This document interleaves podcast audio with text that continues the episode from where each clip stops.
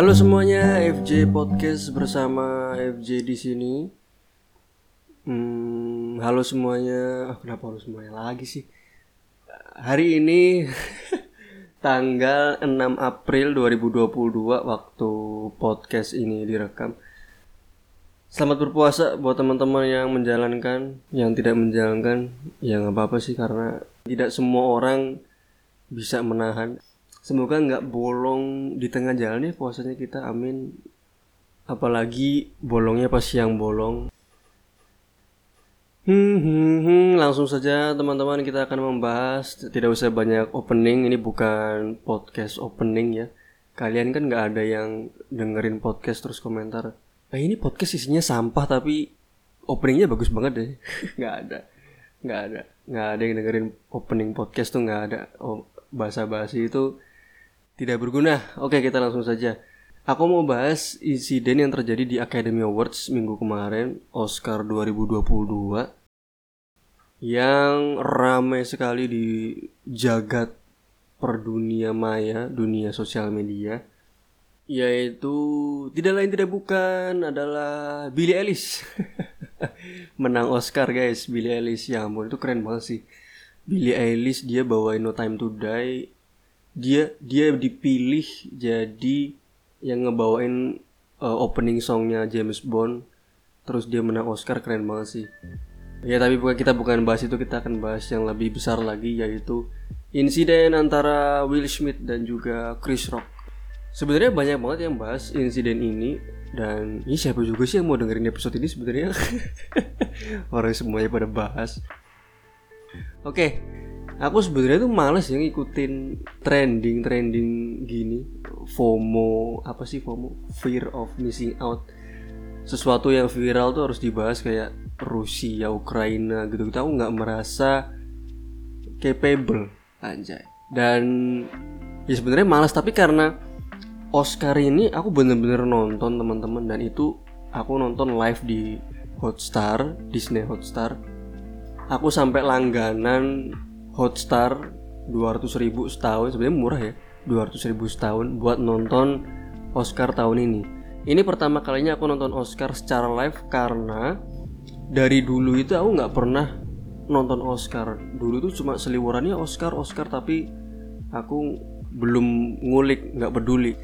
Innocent lah gitulah. E, sampai akhirnya waktu itu nonton Joker yang main Joaquin Phoenix dan dia menang tahun 2020 dan rame waktu itu video speechnya dia di Oscar. Akhirnya mulai ngulik acara Oscar di tahun-tahun sebelumnya sampai mulai tertarik dengan dunia film bioskop apa segala macam. Nah Oscar yang tahun kemarin 2021 aku nggak nonton karena nggak sempat dan juga itu kan waktu pandemi kan jadi cuman kayak pertemuan biasa aja nggak nggak rame kayak Oscar biasanya. Nah tahun ini udah mulai lengang walaupun sebenarnya kursi yang depannya itu masih social distancing nggak nggak full kayak yang biasanya tapi udah lengang tahun ini dan lengang dalam artian udah rame yang nonton dan hadir di Dolby Theater di Los Angeles Oke, kita akan runut dari awal kejadian 28 Maret kemarin, hari Senin pagi. Diperhelatkan dilangsungkan acara Academy Awards yang ke-94 dan disiarkan streaming di Disney Hotstar. Sebenarnya itu kan disiarin di TV apa sih A APC apa apa gitu. Tapi juga di streaming di Disney Hotstar. Alasan lain aku kenapa pertama kali nonton Oscar yaitu tentu Benedict Cumberbatch nominated uh, Andrew Garfield juga dia masuk nominasi Denzel Washington masuk nominasi Javier Bardem juga masuk nominasi. Benedict Cumberbatch aku tahu dia dari Sherlock waktu itu masih series di BBC Andrew Garfield ya kita tahulah dia di Spider-Man. Denzel Washington waktu zaman dia masih main Unstoppable 2008 itu film tentang kereta aku nonton. Dan Javier Bardem aku tahu dari film Skyfall. Semuanya ini empat aktor ini keren maksudnya bisa ngelihat mereka bersaing siapa sih yang akan menang. Dan juga aku juga nonton film Dune itu film uh, sci-fi sebenarnya masuk nominasi juga dan aku sudah prediksi sebenarnya kemarin tuh wah ini bakal ngeborong Oscar ini film dan ternyata memang benar akhirnya kan. Nah pertama sebelum pengumumannya dimulai ada red carpet. Kedua masuk ke acara penghargaannya. Cus sampai akhirnya masuk ke bagian nominasi Best Documentary. Nah, di bagian Best Documentary ini yang monolog dan ngebacain nominasi adalah Chris Rock. Dia adalah seorang komedian. Aku nggak begitu ngikutin Chris Rock as a comedian sebenarnya. Sering seliwer, sering denger namanya tapi belum ngikutin, belum nonton spesialnya dia. Tapi aku ngelihat dia waktu dia nge-host di Oscar 2016. Di YouTube waktu itu waktu aku uh, mulai ngulik Oscar 2020 kemarin aku juga ngulik tahun-tahun sebelumnya. Oh Chris Rock ternyata pernah nge-host Oscar 2016 dan juga dia ternyata pernah juga nge-host Oscar 2005 nah ya mungkin kita semua belum tahu orang yang nge-host di Oscar teman-teman itu memimpin tim kreatifnya Oscar juga itulah kenapa waktu itu Ellen nge-host Ellen DeGeneres dia kan nge-host pernah nge-host Oscar 2013 waktu dia nge-host Oscar, pas acaranya berlangsung banyak sekali jokes. Karena dia komedian. Dia selfie sama Meryl Streep, banyak juga aktor di situ ada Channing Tatum, ada Bradley Cooper, Brad Pitt, mereka pada kumpul. Selfie dan diupload di Twitter. Terus juga dia ngejokes sama Martin Scorsese ngasih skrip. Dia juga ngebersihin lantai penonton pakai vacuum cleaner. Ya karena dia komedian. Ellen ini komedian akhirnya tim kreatifnya Oscar itu sesuai arahan dia banyak jokes kalau hostnya orang musik mungkin akan banyak musik kalau hostnya orang dance koreografer akan banyak dance gitu gitulah jadi tim kreatifnya Oscar bergantung pada hostnya nah tahun ini kemarin Oscar 2022 hostnya tiga wanita dan komedian semua ada Regina Hall Amy Summer sama Wanda itulah kenapa banyak jokes juga pas kemarin dan mereka mengundang lagi Chris Rock untuk ngebacain nominasi. Hmm, kita bahas waktu Chris Rock dulu kemarin aja deh 2016 waktu dia nge-host Oscar. Dia opening monolog pas acaranya mulai, dia banyak ngebahas soal orang kulit hitam. Karena dia seorang komedian, dia juga ngejokes gitu. Yang intinya sebenarnya pesannya adalah eh, bahwa ya orang kulit hitam harus setara juga dong. Masa Oscar nominasinya orang kulit putih semua gitu. Dia banyak ngejuk soal itu. Yang itu kalau di Indonesia mungkin sudah disomasi kan. Dan kita uh, belum sebebas itu untuk berbicara. Tapi di Amerika kebebasan berbicaranya tinggi. Freedom of speech di Amerika tuh udah another level lah intinya. Jadi jokes-jokes di ambang batas atau di luar batas atau malah mungkin menghina ya macam uh, insult komedi gitu-gitu itu nggak apa-apa di sana karena mereka paham kalau di Indonesia mungkin udah dikejar-kejar ormas kita gitu aku non waktu nonton Chris Rock waktu ngebacain sorry waktu monolog dia kemarin itu 2016 wow ini jokesnya smart memang tapi tapi entah kenapa jadi mikir enggak enggak gitu kalau misalkan ada apa-apa sama dia gitu. Terlepas dari job dia kan memang seorang komedian juga tapi jokes ini memang diambang batas. Teman-teman bisa nonton sendiri di YouTube uh, Chris Rock opening monologue tahun 2016 Oscar. Nah waktu kemarin Oscar 2022 dia ngebacain nominasi buat Best Documentary. Waktu dia masuk aku udah mikir waduh ini Chris Rock nih. Dia mau ngomongin apa nih? Gitu. Dan entah kenapa waktu itu aku nonton ada perasaan nggak enak gitu. Karena aku bener-bener nonton live di Hotstar teman-teman dan nggak delay dan nggak ada mute juga pas kejadian itu. Karena kan video-video yang beredar di sosial media kan waktu kejadian tersebut berlangsung itu di mute. Tapi aku nggak bener-bener nggak di mute nah hal yang terjadi adalah Chris Rock ngejokes soal Jada Pinkett Smith Jada Pinkett Smith ini adalah istrinya Will Smith.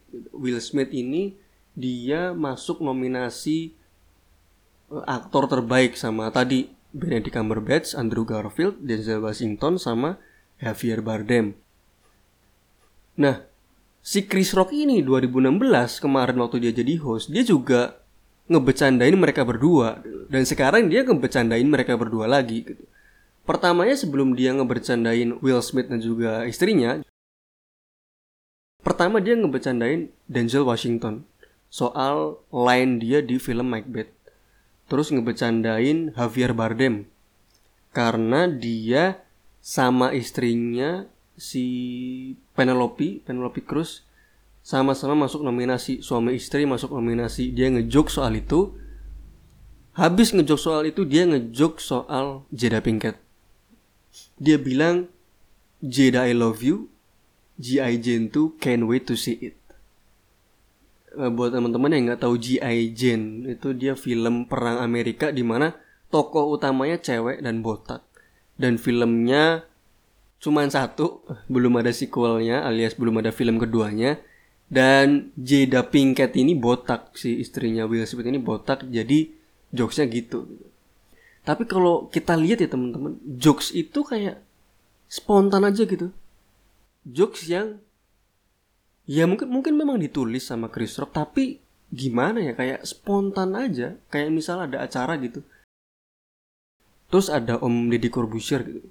Terus yang hostnya ini ngebecandain Om Deddy Corbuzier dia bilang, eh Om Deddy rambutnya botak, mau main jadi Ipin di Upin Ipin ya gitu misalkan gitu lah. Pokoknya jokes-jokes yang deliverynya itu penyampaiannya itu seolah spontan aja gitu. Nah kita lihat di situ setelah jokesnya deliver, kamera langsung nyorot ke arah Will Smith dan Jada. Dibayangi oleh Lupita Nyong'o Nah Mbak Jeda ini kelihatan kesel, mukanya berubah dia langsung tersinggung kan. Tapi Will Smith ketawa. Will Smith ini ketawa, terus kamera beralih lagi ke Chris Rock. Dia ketawa, penonton ketawa. Terus pas Chris Rock mau lanjut line dia, oke okay, kita sekarang bacakan nominasi. Tiba-tiba Will Smith naik ke atas panggung, dia nampar Chris Rock, terus balik ke kursinya. Nah, waktu itu pas real time aku nonton, sebelum Will Smith ngomong dengan lantangnya dia ngomong buang jauh-jauh nama istri gue dari mulut lo. Kan dia kan bilang gitu kan. Keep my wife's name out your fucking mouth. Dia kan bilang gitu. Aku mikirnya wah ini ini gimmick ini. Kenapa? Karena Will Smith itu pas balik ke kursinya aja kalau teman-teman lihat videonya itu dia masih setengah nyengir loh sebenarnya. Dia udah nampar Chris Rock dia balik ke kursinya pas jalan tuh dia masih agak nyengir gitu dan aku mikir wah ini mah bercanda kali ya. Sampai akhirnya dia ngomong dan swearing itu.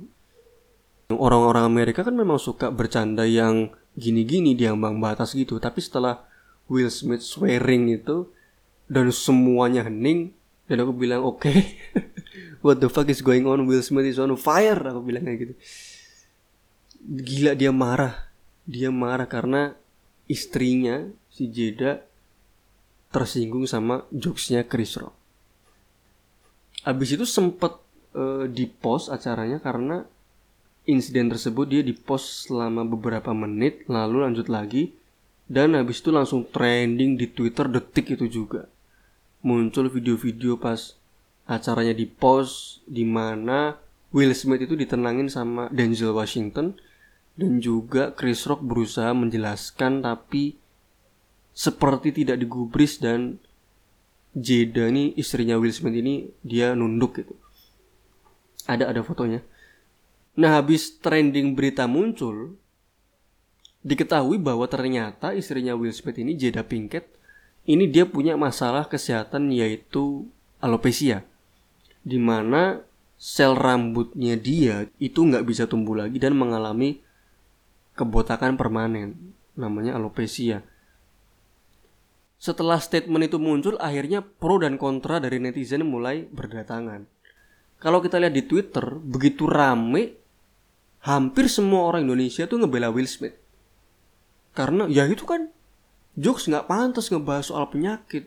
Dan Will Smith melakukan itu dengan benar untuk ngebela istrinya gitu. Tapi orang Amerika yang di sana itu pada ngebela Chris Rock. Jadi perbedaannya kelihatan. Tapi ya maklum kembali lagi bahwa freedom of speech di sana itu udah besar.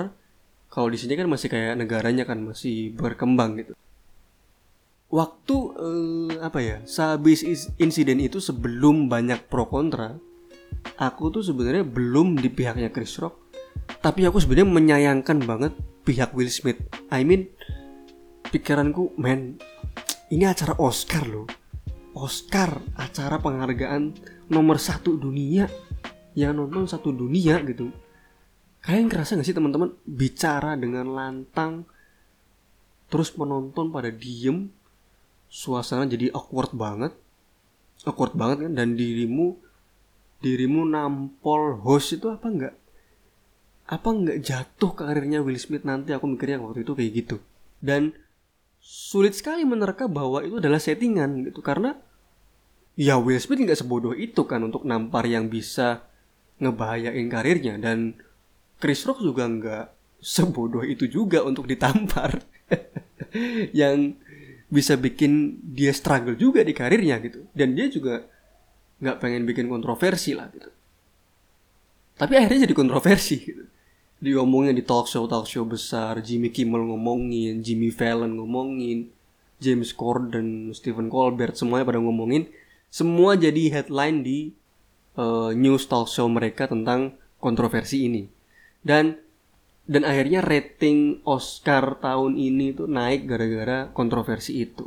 Nah, bicara soal rating sebenarnya rating acara Oscar itu eh, teman-teman selalu menurun dari tahun ke tahun. Dia itu terakhir tinggi itu tahun 2016 waktu Leonardo DiCaprio yang main Titanic, dia menang Oscar untuk Best Actor. Waktu itu dia main di The Revenant sama Tom Hardy Habis itu selalu turun dari 2016 sampai 2021. Nah, konon kabarnya cara mereka biar supaya ratingnya nggak turun terus, mereka suka bikin kontroversi. Waktu Oscar 2017 tuh ada kontroversi teman-teman. Pas kategori Best Picture, teman-teman bisa nonton di YouTube. Kategori Best Picture, film terbaik, ada drama salah baca pemenang waktu itu yang present waktu itu Warren Beatty yang ngebacain nominasinya dan pemenangnya ternyata kartu yang isinya pemenang Best Picture ketuker sama kartu yang isinya pemenang artis terbaik. Jadi yang harusnya yang menang itu film Moonlight, tapi yang menang malah La La Land. Dan tulisannya itu di kartunya itu bukan La La Land tapi Emma Stone La La Land. Jadi yang berarti itu kan harusnya itu kartu buat artis terbaik kan. Tapi tapi Warren Beatty sama Faye mereka awalnya bingung gitu saling tatap-tatapan apa segala macam beberapa detik. Akhirnya setelah kru dan tim Lalalen pada naik ke atas panggung mereka dapat Oscar yang mereka udah speech apa segala macem tim Oscarnya datang ke panggung ngasih kartu yang benernya terus akhirnya Moonlight menang terus jadi mereka naik ke panggung akhirnya rame banget di panggung. Dan Warren Beatty yang tadinya ngebacain nominasi yang ngejelasin kalau misalkan iya ini tulisannya beda dan ternyata ketuker dan dia nggak berusaha untuk bercanda gitu. Emang bener ketuker gitu. Ya gitu gitulah Oscar itu suka bikin kontroversi di situ di di bagian pembacaan pembacaan gitu biar orang pada ngomongin walaupun kasihan banget ya Warren Beatty itu kasihan banget loh dia dia harus menanggung malu karena salah baca pemenang walaupun bukan salah dia gitu. Tapi di Oscar kemarin 2022 ini kontroversinya malah justru dibuat oleh orang yang masuk nominasi yaitu Will Smith kan. Nah, sebelum acaranya selesai, pas nominasi Best Actor, dia menang ternyata Will Smith ini menang. Which is sebenarnya prediksiku juga. Men, dia di King Richard keren banget men dan dia beneran menang dan aku sebelum itu mikir wah ini lucu nih kalau dia habis nampar orang terus ternyata menang. Beneran menang ternyata. Ya sebuah apa ya cerita yang bisa diceritain ke anak cucu gitu. Bapak nih dulu nih nampar orang di acara Oscar yang ditonton satu dunia ya habis nampar malah dapat Oscar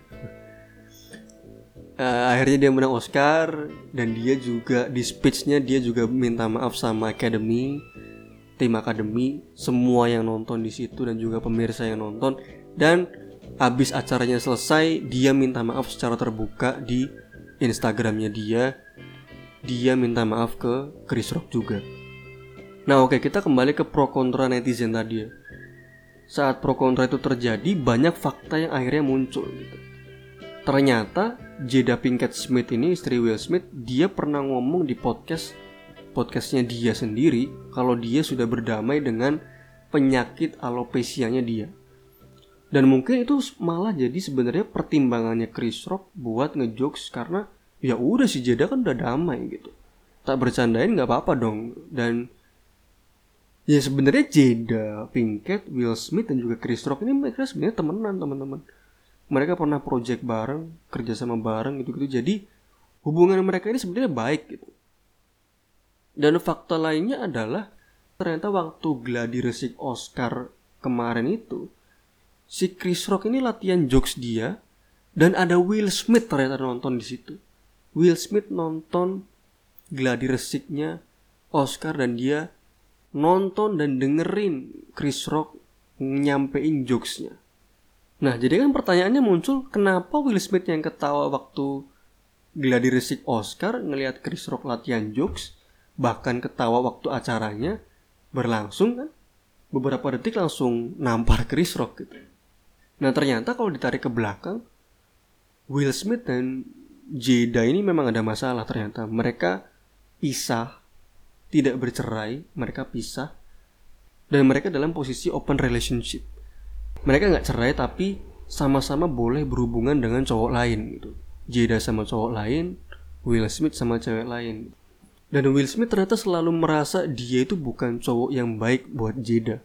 Karena Jada itu selalu posting foto hadiah mantannya pas ulang tahun mantannya dia di Instagram. Jadi dia suka ngebagiin kenangan setahun sekali dia ngepost foto mantannya, foto hadiahnya mantannya yang sudah meninggal di Instagramnya dia setiap tahun. Dia juga ternyata pernah selingkuh dari Will Smith waktu mereka belum open relationship. Jadi waktu mereka belum uh, pisah, ternyata dia pernah selingkuh dari Will Smith. Nah, tapi Will Smith nggak pengen pisah. Dia merasa pengen bisa memantaskan diri sama si Jada ini. Nah, mungkin permasalahan itu memang jadi triggernya dia di acara Oscar itu.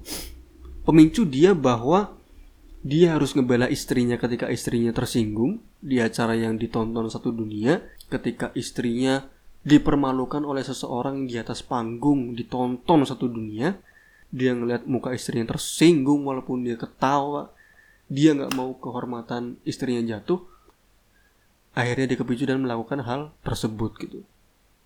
Sebenarnya ya oke lah kita bisa mengerti masalah yang dialami oleh Will Smith ini kan. Tapi kembali lagi memang kalau memang nampar adalah jalan terbaik dan itu ditonton satu dunia men akan banyak hal-hal yang terjadi di dunia yang nggak bisa kita kontrol men. Men kalau misalkan kita dibecandain orang misalkan dan kita mukul dia gitu kita kroyok gitu kita ker kita pakai kekerasan kita pukul itu kan bakal muncul rasa benci apa segala macam bisa muncul trigger-trigger yang lebih besar lagi kayak tawuran apa segala macam. Nah itu bahaya men. Apalagi kalau terjadi di Indonesia kan. Dan mungkin kalau misalkan itu masuk ke ranah yang lebih tinggi misalkan presiden dipercandain misalkan terus tersinggung bisa perang. Waduh bahaya men.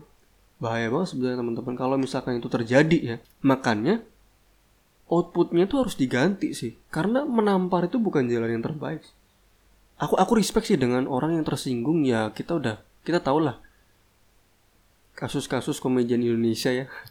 Walau tersinggung mereka mau dialog dengan yang tersinggung. Mereka mau ngalah mereka mau minta maaf gitu. Kalau bikin dia tersinggung karena memang niatnya komedian niatnya orang ngelawak ya ngelawak. Nggak nggak ada sebenarnya. Mereka pengen bikin orang tersinggung atau menghina tuh nggak ada. Mereka ngelawak ya karena pekerjaan mereka memang melawak. Kayak misalkan orang kerja di mesin ya bikin produk sesuai dengan apa itu di spesifikasi gitu kan. Kalau minus karena kesalahan mesin ya nggak ada niat untuk bikin produknya jadi jelek gitu kan. Nah, emang bahaya banget kan bahaya banget. Kalau misalkan jokes jokes tongkrongan tuh orang tersinggung terus jadi gelut di tongkrongan. Ngeri ngeri banget. Ya begitulah. Akhirnya Will Smith mengaku salah endingnya dan dia ternyata mengundurkan diri dari Academy Awards walaupun sebenarnya Chris Rock juga sebenarnya santai banget ngehadapin masalah ini nanggepin masalah ini. Dia nggak pengen Will Smith mengundurkan diri dari Academy Awards yang nantinya bisa menyebabkan dia kalaupun dia main film bagus dia nggak bisa masuk nominasi kan karena bukan member lagi. Dan Chris Rock juga sebenarnya nggak mau memperpanjang masalah karena dia juga lagi ada uh, tour stand up. Jujur aku respect banget waktu dia kemarin itu dia pas habis ditampar dia masih tetap stay cool. Dia tetap masih bisa lanjut bacain nominasi dengan tenang. Profesional banget sih. Dan gara-gara kejadian ini kita jadi nggak bisa menikmati banyak momentum di Oscar gitu. Ada banyak penghargaan yang sebenarnya keren-keren. Kayak misalkan kemarin Hans Zimmer dia menang Oscar untuk sound. Akhirnya setelah dia bikin banyak lagu-lagu sorry nada-nada bagus ya di soundtrack soundtrack film dia akhirnya menang Oscar. Terus kemarin juga ada Troy Kushner dia adalah orang tuli pertama aktor tuli pertama yang menang Oscar. Banyak momen yang lewat gara-gara jokes Chris Rock. Anjir, kemarin Ricky Gervais. Kemarin Ricky Gervais tuh komedian juga teman-teman. Dia ngomentarin insiden itu dia bilang aku sih kalau misalkan jadi yang bacain nominasi bakal bahas selingkuhannya Jeda sih. Nggak bakal bahas rambutnya. Iya cuma. Tapi ya ya itu jokes gitu. Dan kita nggak pernah tahu ternyata itu bisa menyinggung kan. Dan ada kabar juga menyatakan bahwa Oscarnya Will Smith mau ditarik tapi nggak tahu benar atau enggak nggak jadi sih kayaknya. Tetap uh, eh, buat Will Smith Oscarnya.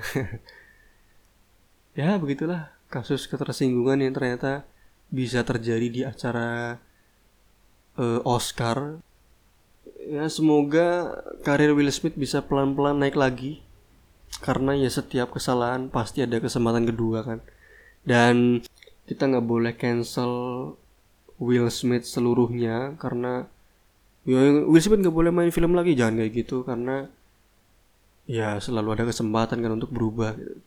Anjir nih kenapa jadi kayak Mario Teguh gini bijak banget aku. Oke. Berapa menit? Anjir 37. Oke, itu aja teman-teman. Ngalor ngidul cerita tentang ketersinggungan. Jadi kesimpulannya adalah tersinggung boleh, nampar jangan. Oke, itu aja. Terima kasih teman-teman. Kita akan ketemu lagi di episode berikutnya. Aku FC pamit. Bye bye.